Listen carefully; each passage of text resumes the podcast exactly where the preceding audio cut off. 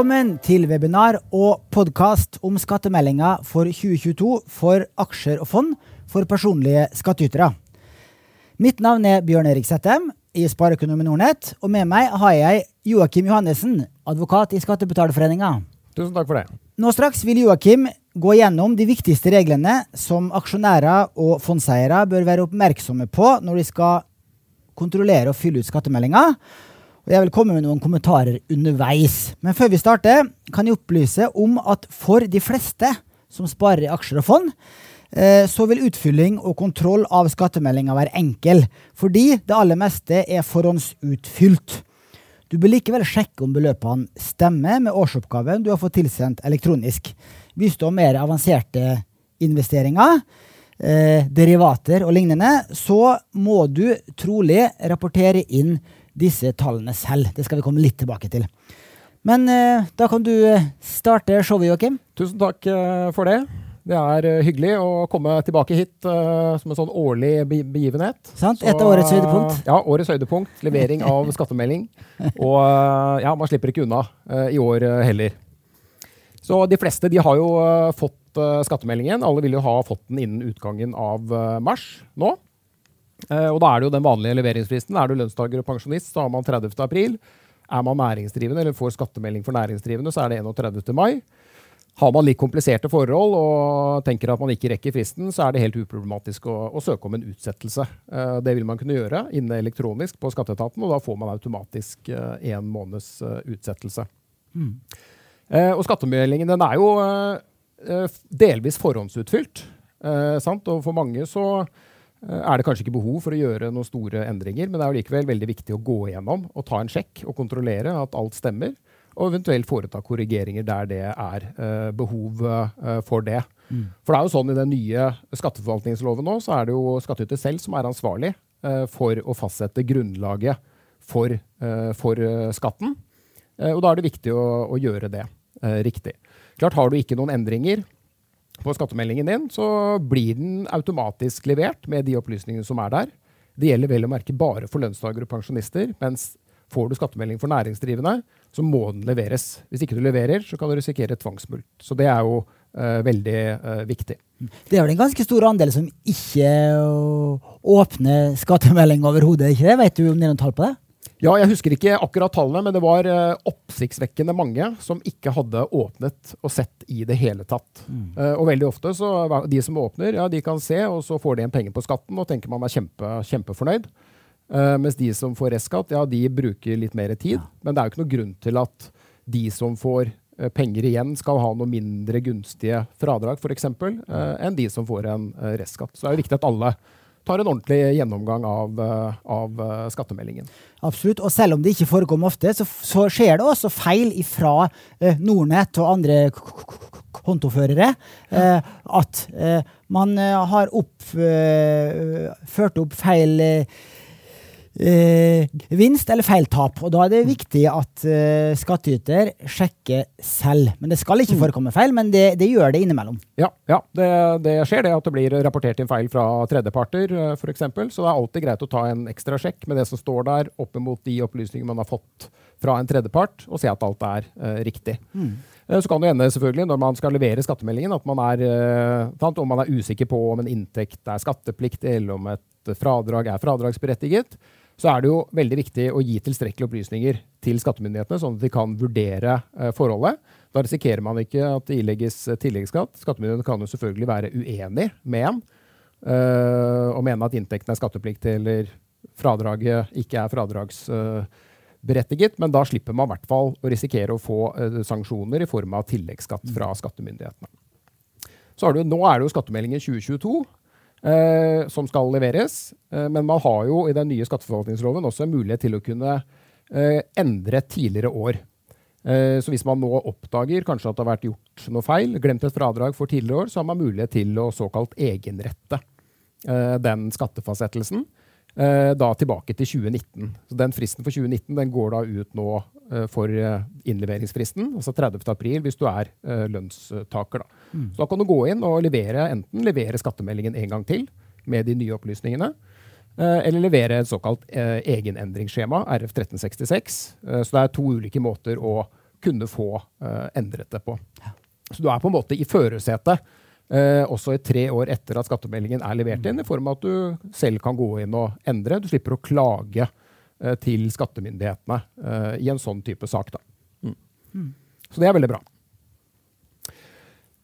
Når vi så går over til eh, da, ja, hva som spesielt gjelder for eh, investering i aksjer og verdipapirer, eh, så er det jo noen endringer i type skattesatser for, for 2022. Den skattesatsen på alminnelig inntekt på 22 den, eh, den er som den var uh, i fjor. Men som sikkert de fleste har fått med seg, så har jo det de siste årene så har jo uh, skatt på eierinntekter de har jo økt betraktelig. Så det har jo blitt et ganske stort gap mellom vanlig kapitalinntekt og det er såkalte eierinntekter. Utbytte og gevinster og tap. Og så fikk man jo, når statsbudsjettet ble lagt fram nå, så fikk man en ytterligere skjerpelse av såkalt beskatning av uh, eierinntekter. Mm. Så i 2022 så må man jo splitte på om man har fått uh, utbytte, om utbyttet er innvunnet, eller da man har solgt aksjer, realisert aksjer, før 6.10.2022 eller etter. Har man solgt det før, så er det en oppjusteringsfaktor på 1,6, slik at skattesatsen er på 35,2, mens Eh, for eieninntekter da, som eh, skal skattlegge, liksom er utbytte som er innvunnet, eller uh, gevinster eller tap som er realisert etter, eller fra og med 6.10, så er det en oppjusteringsfaktor på 1,72. Uh, slik at skattesatsen da er på godt opp til 37,84. Jeg kan fortelle at uh, de uh, som sitter med systemene våre, de uh, IT-folkene våre i Stockholm, de klødde seg skikkelig i hodet for å klare å rapportere riktig med da aksjegevinster og aksjetap, som er da realisert eh, før 6.10 og etter 6.10. Det er veldig veldig uvanlig at det er mm. to skattesatser som mm. gjelder innenfor samme kalenderår. Det kan jeg ikke huske. Mm. Kan du huske det, Joakim? Nei, det, det, kan jeg ikke huske at det har skjedd. Og vi diskuterte jo veldig det. Okay, hvordan er det de skal løse dette problemet? Ved å ha ulike opp, eller, ja, ulike liksom, faktorer, oppjusteringsfaktorer for, uh, innenfor ett uh, inntektsår. Uh, men som vi skal se på, så har de i hvert fall funnet en løsning inn i skattemeldingen på hvordan man skal uh, håndtere det. Da. Ja, vi har klart å rapportere det riktig, så vidt uh, jeg vet, men jeg tror ikke Finansdepartementet har tenkt så mye på hvor mange årsverk som har gått med i finansbransjen for å klare å rapportere det mm. riktig. Mm. Ja. ja, og, og det en ting er jo tall som er da forhåndsrapportert fra en forvalter eller bank. Men der hvor du har investert i aksjer hvor det ikke er gjort det, ja, så må du jo da, og du har hatt mange transaksjoner, ja, så må du da i hvert fall ha den oversikten selv før du leverer uh, selve uh, skattemeldingen. Mm. Så hvis vi ser på et uh, eksempel her med Kari som har mottatt da, et utbytte på 20 000 og solgt aksjer med tap på 10 000. og så er utbyttet det er vedtatt på generalforsamling i juni 2022, altså før 6. oktober. mens aksjene som er solgt med tap, de er solgt i desember 2022. Da blir det jo en, en splitting. Eh, av det, slik at det blir en høyere eierskatt på Uh, eller ja, høyere fradragsrett da, for det tapet enn hvis man hadde hatt det tapet uh, før uh, 6.10. Mm. Uh, og hvordan dette håndteres inn i skattemeldingen når du skal inn og levere skattemeldingen din, der hvor du setter utbytte, f.eks., så setter du utbytte. og så, hvis du har foretatt da fått utbytte etter 6.10, så skal du legge inn hvor stor andel av utbyttet uh, dette gjelder. Og så vil på en måte hele skattemeldingen, når de har den faktoren Da har du jo fått at du har fått utbytte. De har opplysninger om at uh, du har fått deler av utbyttet etter 6. oktober. Og da skal hele skatteberegningen gå automatisk.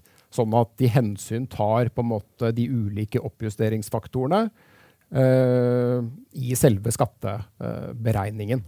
Riktig. Og hvis dette her er børsnoterte aksjer du eier via Nordnett eller andre eh, banker og nettmeglere, så vil det her rapporteres inn automatisk.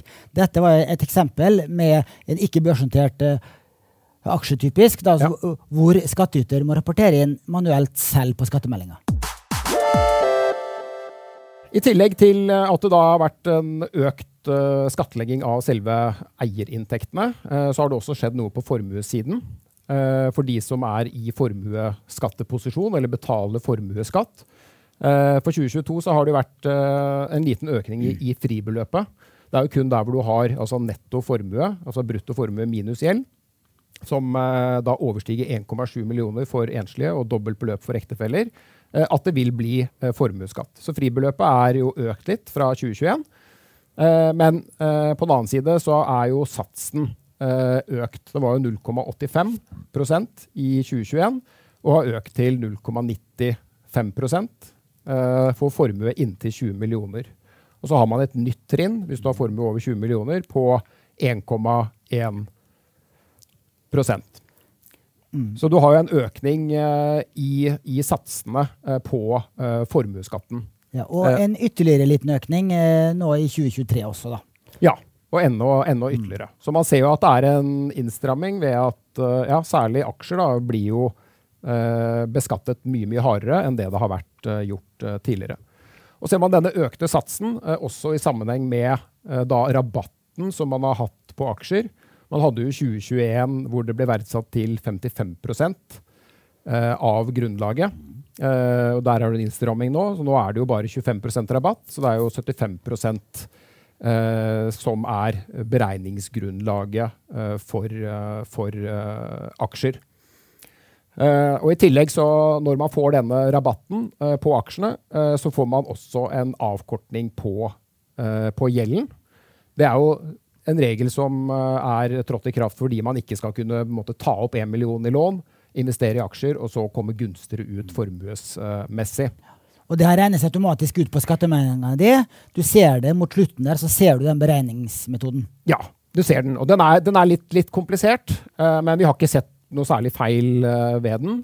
Uh, så, um, så ja, det er ikke så mye å få gjort, men det er, det er i hvert fall årsaken til at man kan se en sånn gjeldsreduksjon, er fordi man har eiendeler hvor det er en rabatt som ligger, som ligger inne.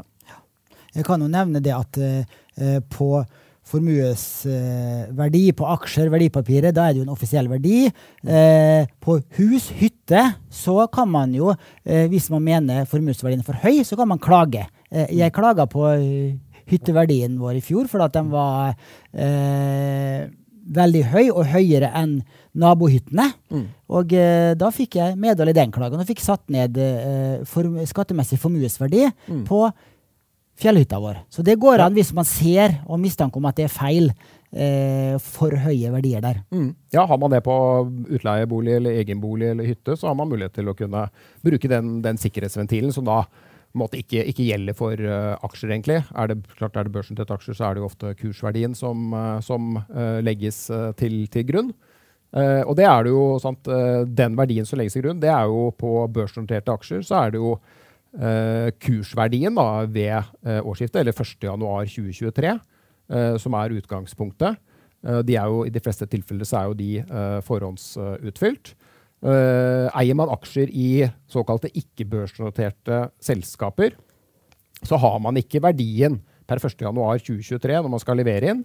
Derfor så har man av praktiske grunner så bruker man heller verdien per 1.1.2022. Det er den man har tilgjengelig i selskapet sin skattemelding, den skattemessige formuesverdi i selskapet per 1.1.2022, som legges til grunn uh, på aksjonæren sin formuesbeskatning i 2022. Uh, mm. Det kan jeg nevne at Vi får, har fått noen spørsmål fra kunder som eier aksjer i Euronext Growth-selskaper. De som mm. er eh, notert på den listen på Oslo Børs. Det er jo egentlig ikke børsnoterte eh, selskaper. Det er ikke børsnoterte selskaper som er omsatt på en multilateral handelsfasilitet, som det så fint heter. Mm. Og der er de blir da eh, verdsatt formuesmessig som ikke børsnoterte aksjer. Og eh, der er det jo, eh, som det står, det er jo eh, skattemessige verdier per 1.1.2022 eh, som da skal eh, stå i skattemeldinga. Og f.eks. så har vi noen kunder da, som har vært eh, aksjonærer i Flyr og North Atlantic, to flyselskaper som har gått eh, elendig på børsen. Den er jo konkurs òg nå. Men skattemessig formuesverdi i januar 22 var vesentlig høyere enn børskurs ved utgangen av 2022. Og de stusser over hvorfor da, at det står et såpass høyt beløp. På de Flyr-aksjene eller North Atlantic-aksjene. Men det skyldes jo da den regelen her med at ikke børsnoterte aksjer skal verdsettes til skattemessige verdier per første i første ved inngangen til skatteåret. Mm. Og når man skal verdsette altså ikke-børsnoterte selskaper det, I de fleste tilfeller så er det jo gunstig for skattyter å få en slik eh, verdsettelse, fordi den ligger ofte lavere enn markedsverdien. Men den kan jo på en måte både være høyere og lavere enn den, for her har man jo også en kurs, ikke sant? en kjøpskurs. Men den er på en måte irrelevant uh, når man skal uh, fastsette formuesverdien for aksjonæren. Men det er jo helt enig, det er jo det er ikke så lett å se helt forskjellen man tenker når man skal sammenligne med børsnoterte aksjer, og se på en kursverdi, og, og man får det ikke til å stemme. Så er i hvert fall det er i hvert fall forklaringen på den differansen. Da. Man kan ikke klage og bare stryke over den verdien og så sette børskurs per 1.1.23? F.eks. hvis man har eh, Flyr eller North Atlantic-aksjer? Nei, du har dessverre ingen, uh, ingen, mulighet til å gjøre det. For der er det liksom skattemessige verdier i selskapet. Og så lenge de beregnes per 1.1.2022, uh, så er det det som legges til grunn. Det kan jo være at det har vært, hvis det har vært noen kapitalendringer i det ikke-børsnoterte selskapet, så kan jo de ha fått forskjøvet verdsettelsestidspunktet sitt til slutten av året. Mm. Da vil det kunne få effekt for aksjonær også, men da er det selskapet som har gjort det. Så skattyter selv har ikke noen mulighet til å kunne ja, sjonglere noe med disse, disse, verdiene. Så man er liksom bundet av uh, den verdien som står der. Mm. Ja, da, men uh, som du er inne på, dette her er som regel til fordel for aksjonærene. For som regel så er uh, skattemessige verdier lavere enn børsverdier. F.eks.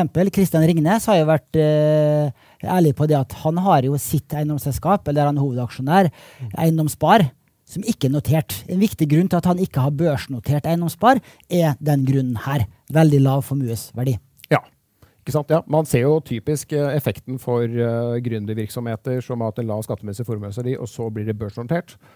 Og så blir, blir verdiene materialisert da, mm. gjennom uh, ja, at de får høyere verdier og må betale formuesskatt. Uh, mm. Typisk.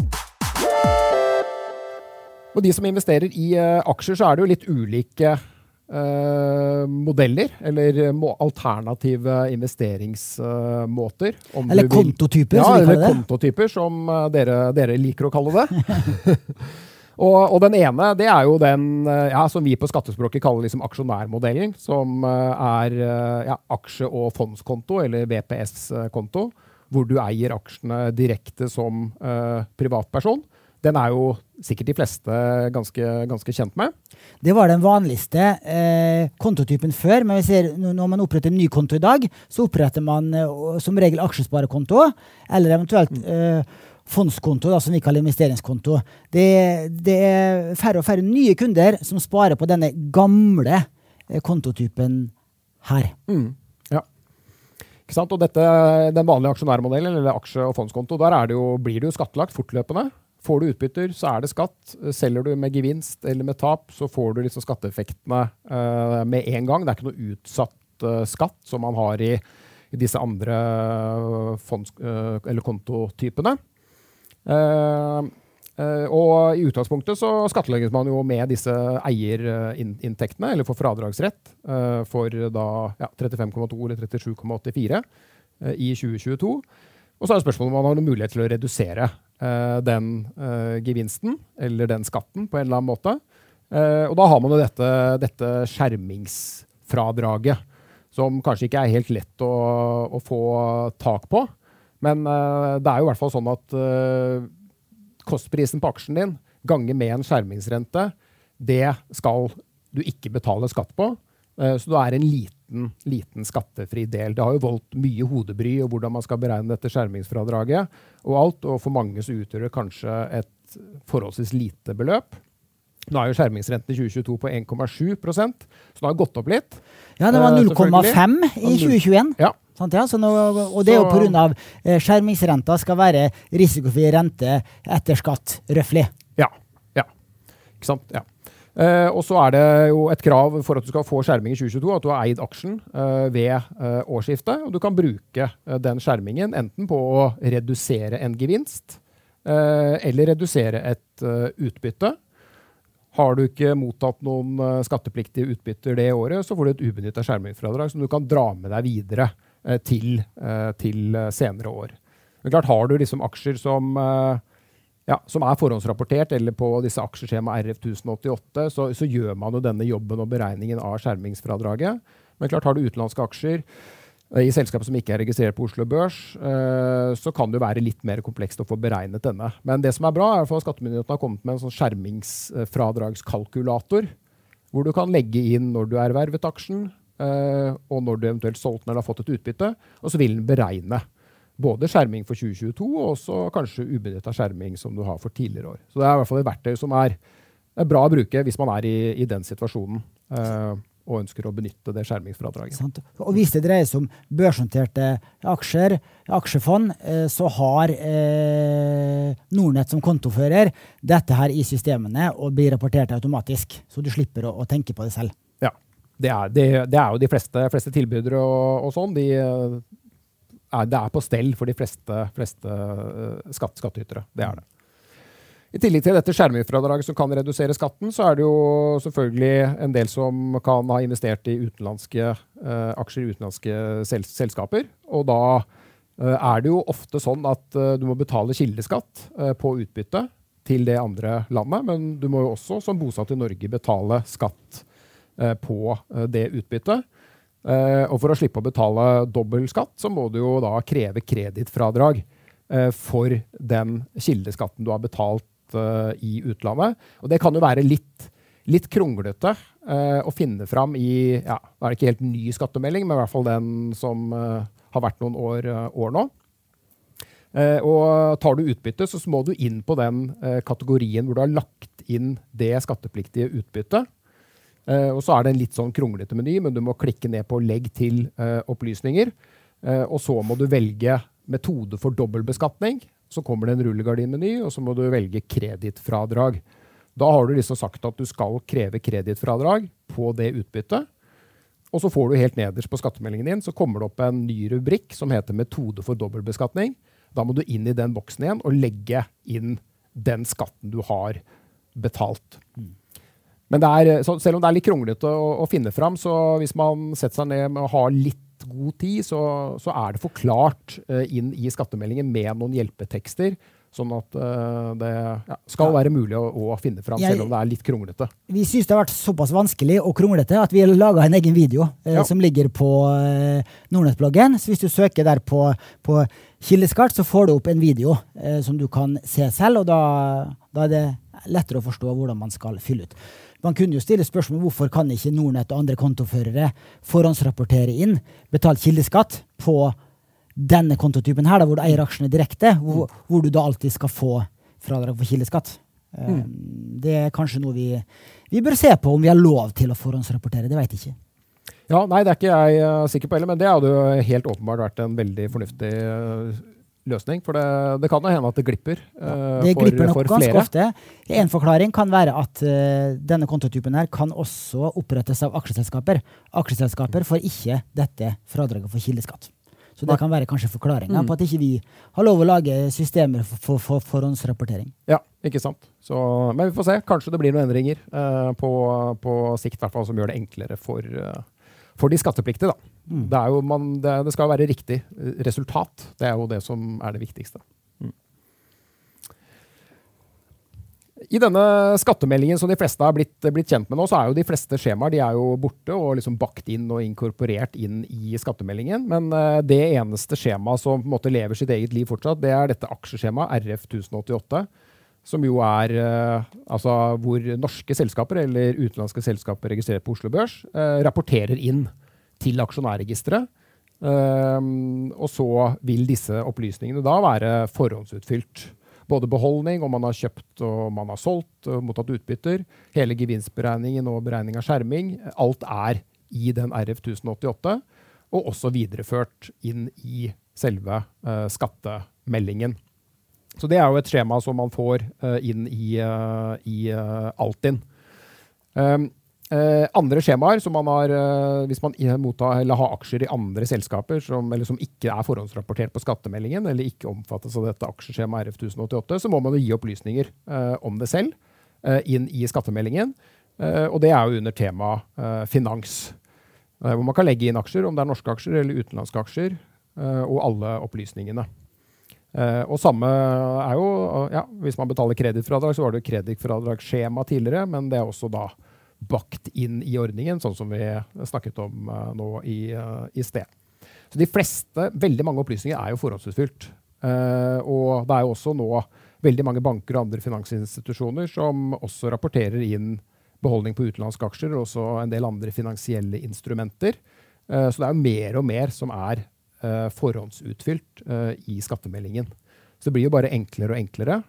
Men selvfølgelig, bare ikke la det bli en sovepute. Det er viktig å, viktig å sjekke allikevel. Mm. Eh, og så kan jeg nevne at eh, hvis du har litt mer avanserte investeringer, så er det ikke sikkert at de er forhåndsutfylt.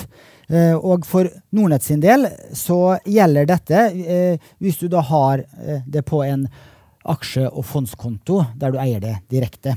Eh, hvis du har investert i utenlandsnoterte ETF-er, eller utenlandsregistrerte fond fra BlackRock, JP Morgan f.eks., eller hvis du har unoterte aksjer, eller har investert i valuta, CDF-er, opsjoner, warrants, future, obligasjoner, eh, så eh, avhenger det av om disse instrumentene er omsatt på Oslo Børs eller ikke. Hvis de er omsatt på Oslo Børs, det gjelder også Euronest Growth-aksjer, så vil VPS rapportere disse eh, gevinst, tap og formuesverdier. Og da eh, er det. Da har altså VPS rapportert det inn til skatteetaten. Eh, men hvis instrumentene ikke er omsatt på Oslo Børs, så har kontofører mulighet til å skatterapportere dette. Eh, men Nordnett har eh, PT ikke systemer for det. Og kontofører har ikke plikt til det, men det kan gjøre det hvis man har systemer for det. Så da må du altså eh, rapportere inn deg selv, eh, og da finner du jo alle opplysningene i, i årsoppgaven din, og så eh, fyller du det da inn i skattemeldinga. Hvis du eier disse eh, instrumentene noen av de instrumentene her kan kjøpes på aksjesparekonto og investeringskonto også, da er det er rapportert inn. For da eh, eh, kjøper du disse investeringene her inne på dette, eh, denne kontotypen som er som et skall. Og da rapporterer man samla gevinst og tap og samla formuesverdier, og da er det rapportert inn. Ja. Det var en, en grei presisering. Mm. Aksjeinntekter eh, det er jo skattepliktig. Kan Utbytte er skattepliktig, gevinst er skattepliktig. Eh, og så har man jo kostnader uh, ofte, eller vil, vil kunne ha det, i forbindelse med aksjeinnehavet. Man har jo klart transaksjonskostnader, altså ja, kurtasje ved kjøp og salg. Det vil jo først være fradragsberettiget uh, når du selger aksjen. Men man kan jo ha kostnader uh, for å holde seg løpende oppdatert i markedet. For å vurdere porteføljen sin, om man skal kjøpe eller om man skal selge. Uh, og I skatteretten så er det jo sånn at det er jo fradragsrett for kostnader som er pådratt for å erverve en skattepliktig inntekt. Og utbytte gevinster er jo en skattepliktig uh, inntekt. Uh, så man kan jo ha da om det er abonnement på økonomiske aviser eller tidsskrifter, realtidskurser. Um, ofte så kan man jo komme i en sånn spørsmål med ja, er det en privatkostnad, eller er det en kostnad jeg har i forbindelse med aksjeinnehavet sitt? Uh, og sånn i utgangspunktet så er det hovedformålet som er avgjørende. Så hvis hovedformålet er aksjeinvestering, så er det fradragsrett uh, fullt ut for hele kostnaden. Selv om det kan ligge et privat aspekt. Uh, og også motsatt. Er, er, det hovedsakelig en privatkostnad, så er det ikke, ikke fradragsrett. Så litt sånn Det enkle spørsmålet man kan stille seg, er jo ville man hatt denne kostnaden hvis man ikke hadde drevet med aksjeinvestering?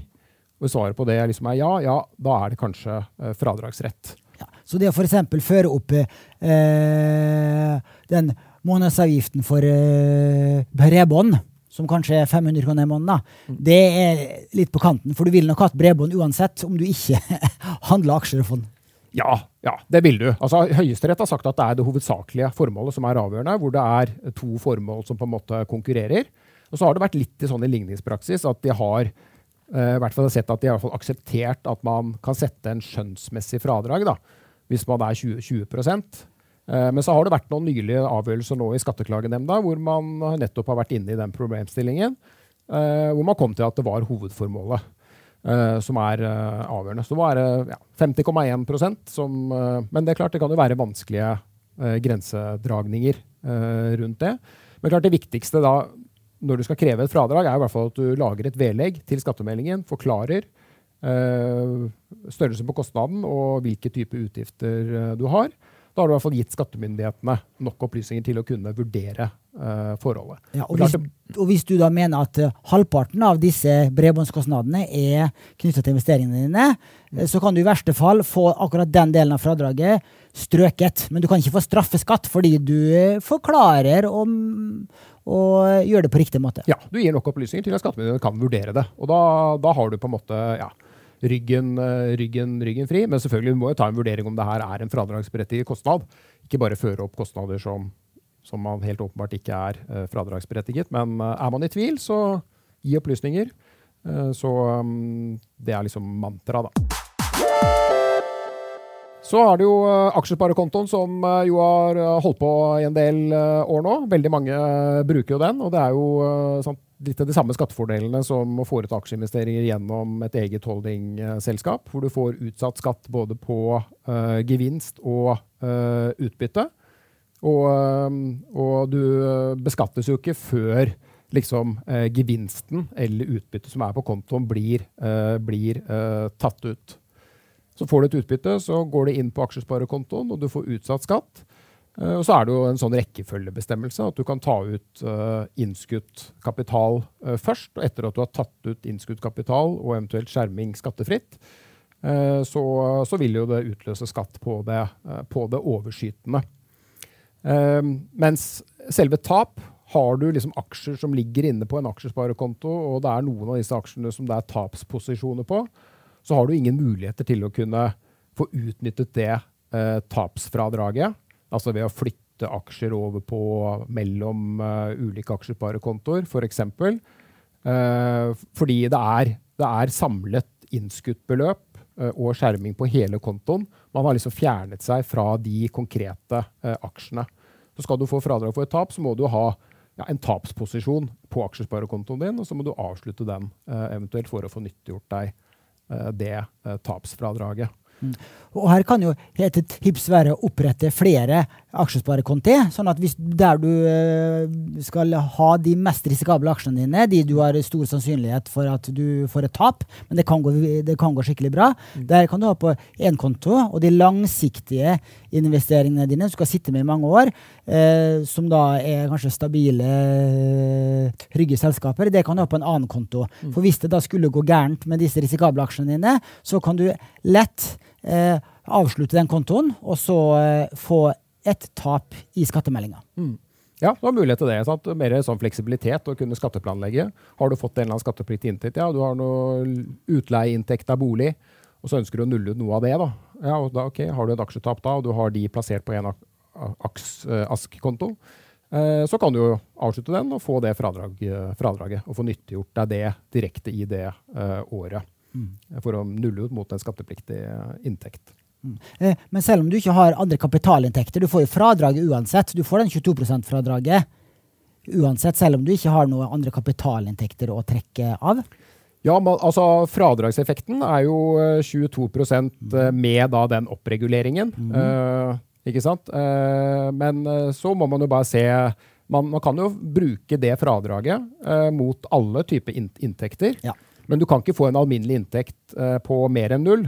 Så hvis du har et veldig høyt sånn, tap, ja. Ja. så kommer du i null uh, det året og kanskje ikke får utnyttet alt. Men da får du et fremførbart uh, underskudd som vil automatisk føres over i neste års skattemelding, og kan bruke den mot andre ja, kapitalinntekter året etterpå. Helt riktig. Da er vi enige. Ja.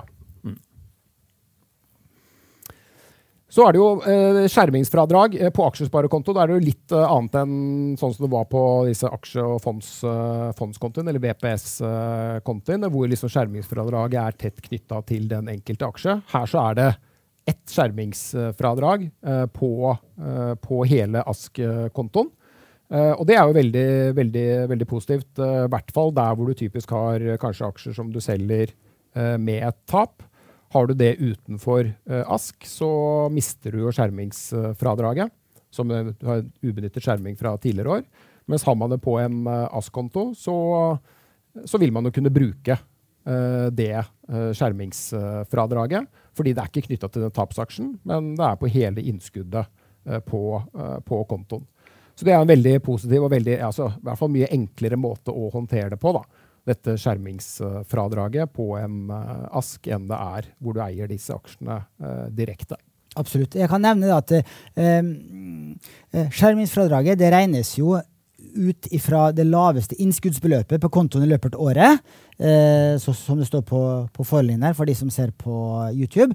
Eh, det eh, fører også til jeg, jeg har jo fire-fem forskjellige aksjesparekonti med da, litt forskjellige aksjer og fond på.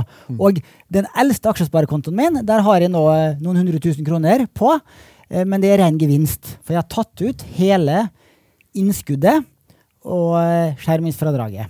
Så nå er det bare gevinst som står der. Og når jeg gikk inn i årsoppgaven fra Nordnett, så står det skjermingsfradrag én krone. Mm. Det fikk jeg i skjerming i fjor. Fordi at skjermingsfradraget beregnes av innskuddet. Og mm. nå har jeg nesten ingen, ingen, innskudd igjen på kontoen. Den har da vokst så mye gjennom flere år at det er bare gevinst, og jeg har tatt ut innskuddet. Mm. Og det var litt overraskende at jeg faktisk jeg får ikke skjerming, selv om jeg har flere hundre tusen kroner i aksjefond på den kontoen. Ja. Det, det, er jo forskjellen fra hvis du hadde eid det direkte. Ok, da du, Hadde du hatt en gevinst på 500, da hadde du betalt skatt. Hadde du brukt det på å reinvestere, så hadde du fått skjerming også på det reinvesterte beløpet. Så det er jo liksom den ja, kall det ulempen da, med å ha det på en aksjesparekonto. Um, ja, det er litt lavere, lavere skjermingsgrunnlag. Ja. Og det samme vurderingen er jo Skal du vurdere om du skal skyte inn uh, penger på en, uh, på en ask, uh, så i hvert fall hvis du tenker at ok, nå har jeg bestemt meg for å gå inn med 500 000, så er det bedre å skyte inn de 500 000 med en gang enn å skyte inn 100 000 en måned, og så tar du de neste 400 månedene etterpå. Da er 100 000 det laveste det året, og da er det også skjermingsgrunnlaget ditt. Mm. Det jeg også kunne tenkt, eh, det var at det ville være lønnsomt for meg å så eh, ta ut disse pengene og sette det inn på ny aksjesparekonto. Ja, da må jeg jo skatte av, av, hele beløpet, av hele uttaket, for alt er gevinst. Og nå har den skatten 38 uh, røftlig. Mm. Uh, aldri vært så høy før på aksjegevinster. Sånn at det er neppe noe lurt for meg å gjøre det nå. Eh, men eh, hvis skattesatsen kommer ned igjen, så kan jeg jo vurdere det. Eh, og, da rentenivået, og da skjermingsrenta er høy, så er det jo et regnestykke her hva som faktisk lønner seg. Men hovedregelen er at det lønner seg å eh, skyve skatten lengst mulig foran seg. Så fremt ikke du har rød-grønn regjering til evig tid. Mm.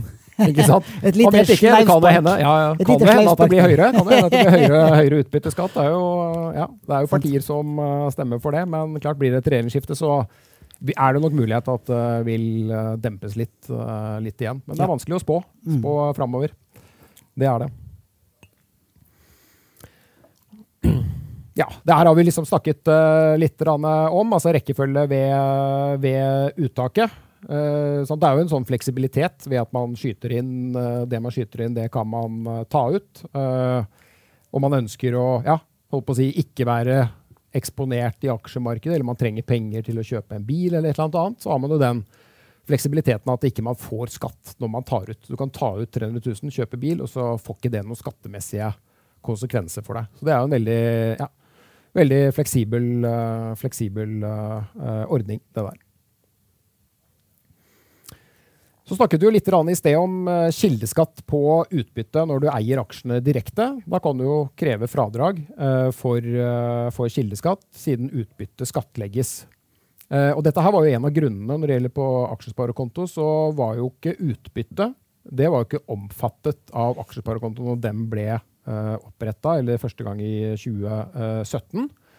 Og grunnen til det var jo at man nettopp at det var litt uklart hvordan man skulle håndtere det faktum at det ikke ble noe utbytteskatt i Norge, men du betalte kildeskatt på utbytte. Og hvordan skulle man håndtere det når du da tar ut et senere skattepliktig uh, utbytte? Og Det var en av grunnene til at man da ikke hadde uh, dette med uh, opprinnelig.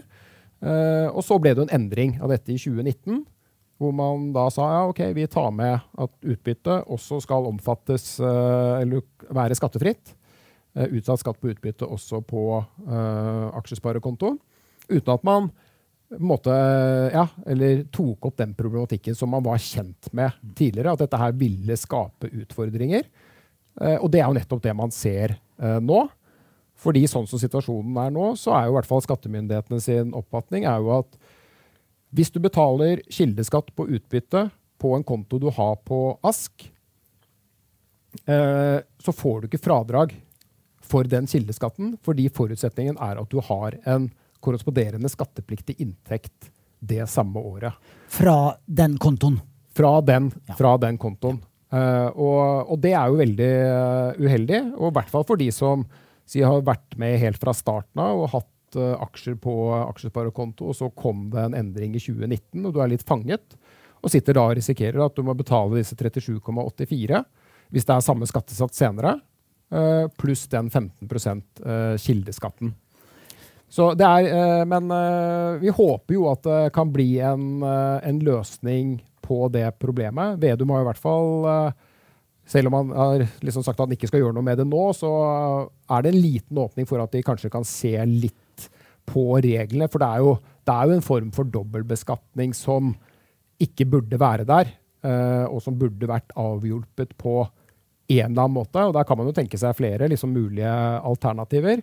Uh, enten så er det jo sånn som det ja, var, altså, var, før, så var det jo sånn at utbyttet ikke gikk inn på uh, aksjesparekonto. Kanskje man kunne ha en valgmulighet. da, At man kan velge om utbyttet skal inn eller ikke. Så man kan mulighet til å kunne få nyttiggjøre seg det uh, kredittfradraget for betalt uh, kildeskatt.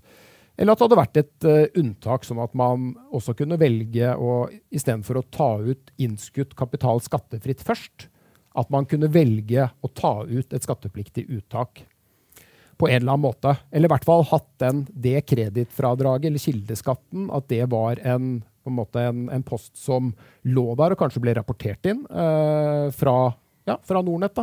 Sånn at det ligger inne der og er i hvert fall en tilgjengelig opplysning som man kan uh, bruke. Helt enig. Dette har jo vi brukt masse tid på. Vi satt store i fjor også og diskuterte det. Og eh, det er jo lignende problemstilling på eh, investeringskonto også. Kan vi komme snart tilbake til. Og eh, Nordnett skrev jo en kronikk i Dagens Næringsliv som medførte en del diskusjon. Og Høyre stilte jo spørsmål til finans, eh, finansministeren i Stortingets spørretime om det ikke kunne gå an å finne en løsning på det her. For våre kunder taper flere millioner kroner i året på at de blir dobbeltbeskatta på kildeskatt fra utbytte, eller på utbytte fra utenlandske selskaper.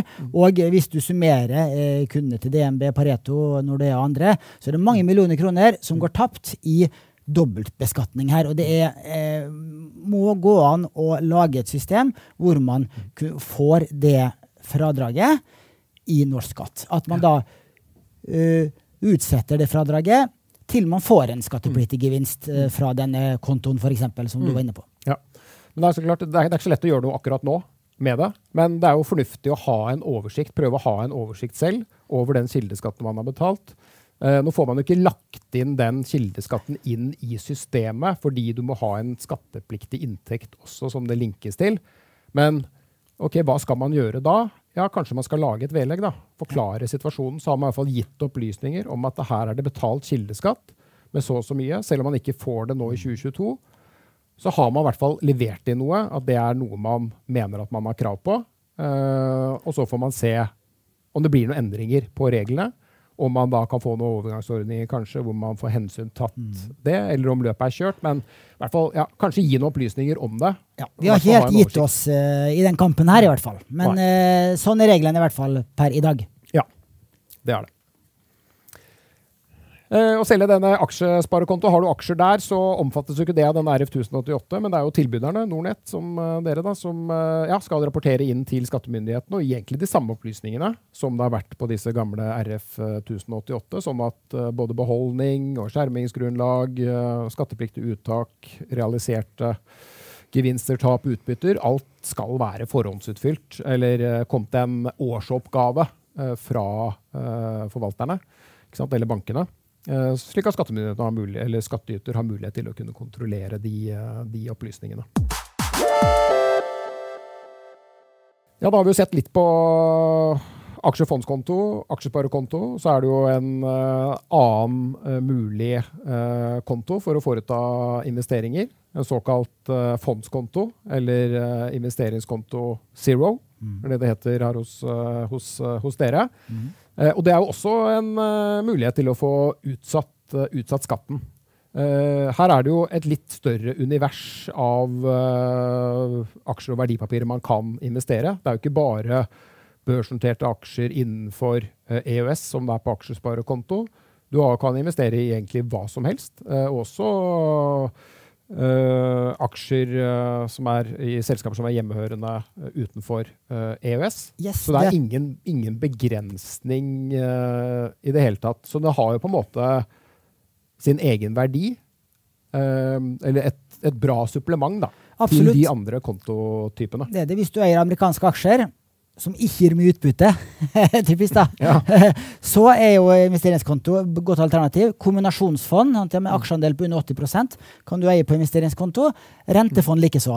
Og det er faktisk et, et, isolert poeng at rentefond bør du eie på en investeringskonto og ikke på en aksjefondskonto. Mm. For hvis du eier den på en aksjefondskonto, så må du beskatte skatte av, av renteinntektene hvert år. Mm. På en investeringskonto så skyver du skatten også på renteinntekter foran deg. Så det eneste kontotypen hvor du får utsatt skatt på renteinntekter. Ja.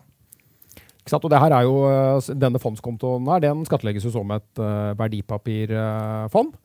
Uh, hvor man ser på de underliggende investeringene i forhold til hvor, mye, hvor stor andel på konto som er aksjer, og hvor mye som er renter. Og så vil du enten få 22 eller 35,2 eller 37,84. Men den kommer ut når du realiserer eller tar ut noe penger.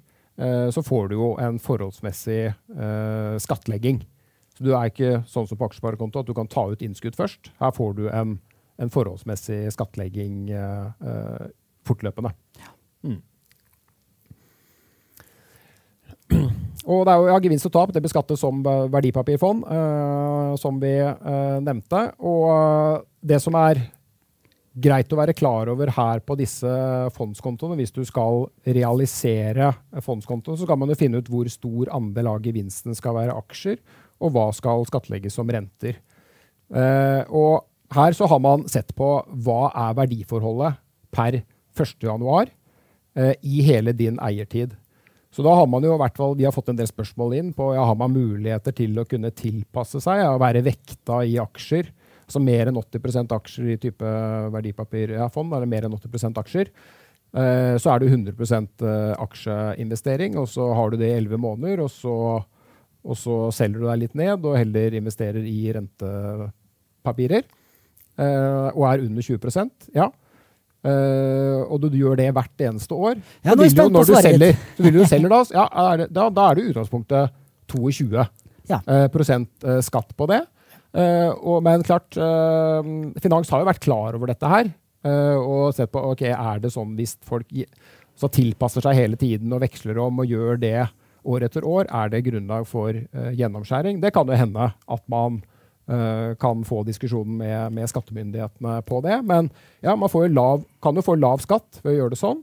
Men så får man jo til gjengjeld, hvis man har rente ved årsskiftet, så får man ikke den verdsettelsesrabatten. Ok, nå er jo den Sant? Var 45% rabatt i 2021, nå er den jo bare på 25 og blir på 20% i 2023, så det blir jo lavere. Men det har jo en verdi, det òg. Så får du ikke så er det jo ikke aksjer, så du får ikke noe skjermingsgrunnlag. Eh, og så er det jo også da ja, ute av markedet eh, en periode. Så det er ikke bare at man skal tenke skatt òg. Det er jo fornuftig å time investeringsmarkedet, som du er bedre på å forklare enn en meg. Sant, ja. Nei, men du, eh, veldig godt oppsummert. Eh, vi har jo noen få kunder eh, som er så skattenørder at de sitter og eh, vekter ned aksjeandelen sin mot slutten av året. Men når vi ser på eh, fondsstatistikken vår, aksjestatistikken vår, på nettokjøp og nettosalg, så ser vi ikke at det er et nettosalg av aksjer og aksjefond og nettokjøp av rentefond eh, i desember hvert år, og motsatt i januar. Det, ikke, eh, det synes ikke på eh, aggregerte nivå. Så slapp av, Finansdepartementet. Dere trenger ikke lage mer kompliserte regler enn det det er her. Eh, og på, på årsoppgaven fra Nordnett så vil det jo stå aksjeandel ved årsskiftet. Og så vil det stå gjennomsnitt, din gjennomsnittlige aksjeandel i eiertiden, som da er den eh, aksjeandelen som brukes eh, når du gjør et uttak og det skal gjøres en beregning av gevinst eller tap. For da vil du jo, hvis du da har 50 eh, aksjeandel, så vil du få eh, en skattesats som ligger eh, da midt imellom uh, aksjeskatten og renteskatten på noen og 30, rundt 30 da. Ja, det stemmer. Så er det kildeskatt, da. Det også kan jo ha plassert aksjer på en fondskonto. Uh, hvor du må betale kildeskatt uh, på uh, utbytte. Og der er vel dagens regler nå at du ikke vil kunne få fradrag for den kildeskatten, siden du eier ikke. Det er et forsikringsprodukt. Det er selskapet som eier aksjene. Du har et forsikringsprodukt. og derfor ikke kan kreve fradrag. I hvert fall ikke i skattemeldingen. Det er riktig. Du kan ikke det i dag. Og det har også vært eh noe vi har brukt mye tid på, for vi vil jo gjerne endre det regelverket her. For vi eh, har jo eh, mulighet Nordnett et livsforsikring eh, som da står bak den investeringskontoen, har jo mulighet til å kreve eh, kildeskatt på vegne av kundene våre og refundere det tilbake til kundene. Det gjorde vi en periode, eh, inntil vi oppdaga at vi faktisk ikke fikk det fra Nordnett livsforsikring ikke fikk det fradraget likevel. Da måtte vi stoppe med det, for vi tapte jo eh, millioner hvert år på å gjøre det på den måten. Mm. Eh, så det kunne vi ikke gjøre lenger. men men det må hvis lovgiver vil, så kan man eh, lage systemer som eh, der hvor kundene slipper å dobbeltbeskattes på aksjeutbytte fra utenlandske selskaper, også eid på investeringskonto. I likhet med da, det som eies på aksjesparekonto. Mm. Ja. Men eh, per i dag får du ikke Det er forbedringspotensial i hvert fall, til det, å kunne finne noen løsninger at, uh, til skattyters beste. Absolutt. Ja. det er det. Mm. Og så skal vi Jeg kan ta det, det siste foilen vår. Eh, ja. Også. Det er litt om eh, skatt tilknytta plattformavgift og returprovisjon. For eh, alle som eier fond eh, i Nordnett, eh, DNB, S-banken i hvert fall, hos de fleste aktørene nå, der betaler kundene en plattformavgift. Eh, og så får man en returprovisjon som da, den returprovisjonen gikk tidligere til eh, Nordnett eller til DNB, og, og, så var det ingen plattformavgift. Men eh, Finanstilsynet har pressa på for at vi skal legge om eh, prismodellen vår. og Derfor så er dette er den nye standarden eh, som flere og flere kommer med. Men da har det dukket opp et nytt problem. Hva gjør man med skatt på betalt plattformavgift og mottatt mm. returprovisjon? Og heldigvis, det meste er nå forhåndsrapportert inn av oss, så kundene, de fleste kontotyper, trenger ikke gjøre noe. Eh, for kontotypene investeringskonto, pensjonskapitalbevis, IPS og IPA, så blir returprovisjon og plattformavgift håndtert på selve kontoen. Så da skal kundene ikke rapportere inn noe. Man ser det heller ikke på årsoppgaven, siden det her er rapportert inn innenfor det skallet. På aksjesparekonto så har vi fra og med 2022 også rapportert inn plattformavgift og returprovisjon til skatteetaten. Her trenger du heller ikke foreta deg noe. For 2021 så husker kanskje enkelte kunder at da måtte man rapportere inn plattformavgiften selv på aksjesparekonto hos Nordnett. Hvis du glemte det i fjor, så kan du eh, rette. Egenrette. Egenretting.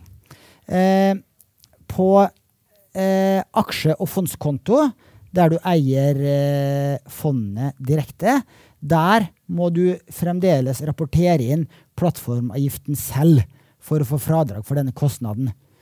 Der står det 2020, men skal være 2022. Eh, og returprovisjonen er forhåndsutfylt. Vi har faktisk ikke gode nok systemer for å kunne rapportere inn denne plattformavgiften på aksje- og fondskonto, har det blitt fortalt av våre IT-folk. Så der må du altså føre opp summen av plattformavgiftene under eh, Hema Finans i skattemeldinga di og under verdipapirfond. Og da må du summere plattformavgiften eh, fra transaksjonsavgiften. Eh, transaksjonsoversikten din på nordnett.no. Ja. Mm. Så det var det. Så det er jo sånn sant, Med disse kostnadene som man der har, har man det på en investeringskonto Zero, si at du bare er vekta i aksjer, så blir du belasta av den. Og da er jo fradragseffekten 35,2 eller 37,84 når du ligger der. Uh, mens krever du det i skattemeldingen, så er det jo egentlig bare fradrag med 22% Man har jo diskutert i det, er, er det mulig å oppjustere dette fradraget? Men slik, ja, slik loven er, eh, og forarbeidene er utformet, så, så, ser det ut som det er, at det er en differanse der. Men det er jo litt uheldig at egentlig samme kostnad skal ha ulik fradragseffekt når man har investert i noe som gir en en skattesats på 35,2 eller 37,84, at man også får samme fradragseffekten. Litt. Ja. Det er et godt poeng. Nå gjelder det heldigvis bare på den ene kontotypen nå, på aksje- og fondskonto. Ja. Eh, og det er jo eh, Plattformavgiften er jo da hos oss maksimalt eh, 0,29% for aktiv aksjefond. Eh, og eh, hvis du har 100 000 kroner, så er det 290 kroner da, som du, mm. du skal da huske på å kreve fradrag for hvis du har den på den aksje- og fondskontoen. På de andre kontotypene så er det automatisk rapportert inn av oss, og da får du da eh, full eh, fradragseffekt mm. med da aksjeskattesatsen. Ja. Det er bra. Mm. Mm. Da yes. er vi i mål, Joakim. Ja. Det så, var veldig, veldig, hyggelig, det, å ja. være her. Håper eh, de som eh, så på, ser på og hører på, eh, har fått eh, litt utbytte. Da gjenstår det bare å ønske lykke til med utfyllinga og kontroll. Ja, ikke sant? Og så er det et eller annet som dukker opp, så er det bare å ta kontakt, så skal vi prøve å hjelpe dere. Sant, Og Nordnett-kunder har jo da rabatt på eh, årsabonnement hos Skattebetalerforeningen også, så det er mm. sagt. Mm. Ja. Yes, takk for i dag.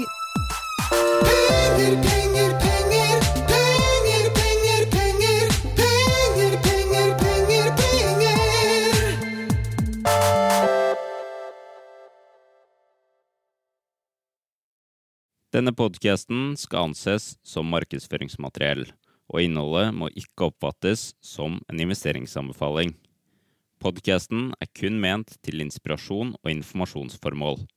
Nornett tar ikke ansvar for eventuelle tap som måtte oppstå ved bruk av informasjonen i denne podkasten. Les mer på disclaimer på nordnett.no.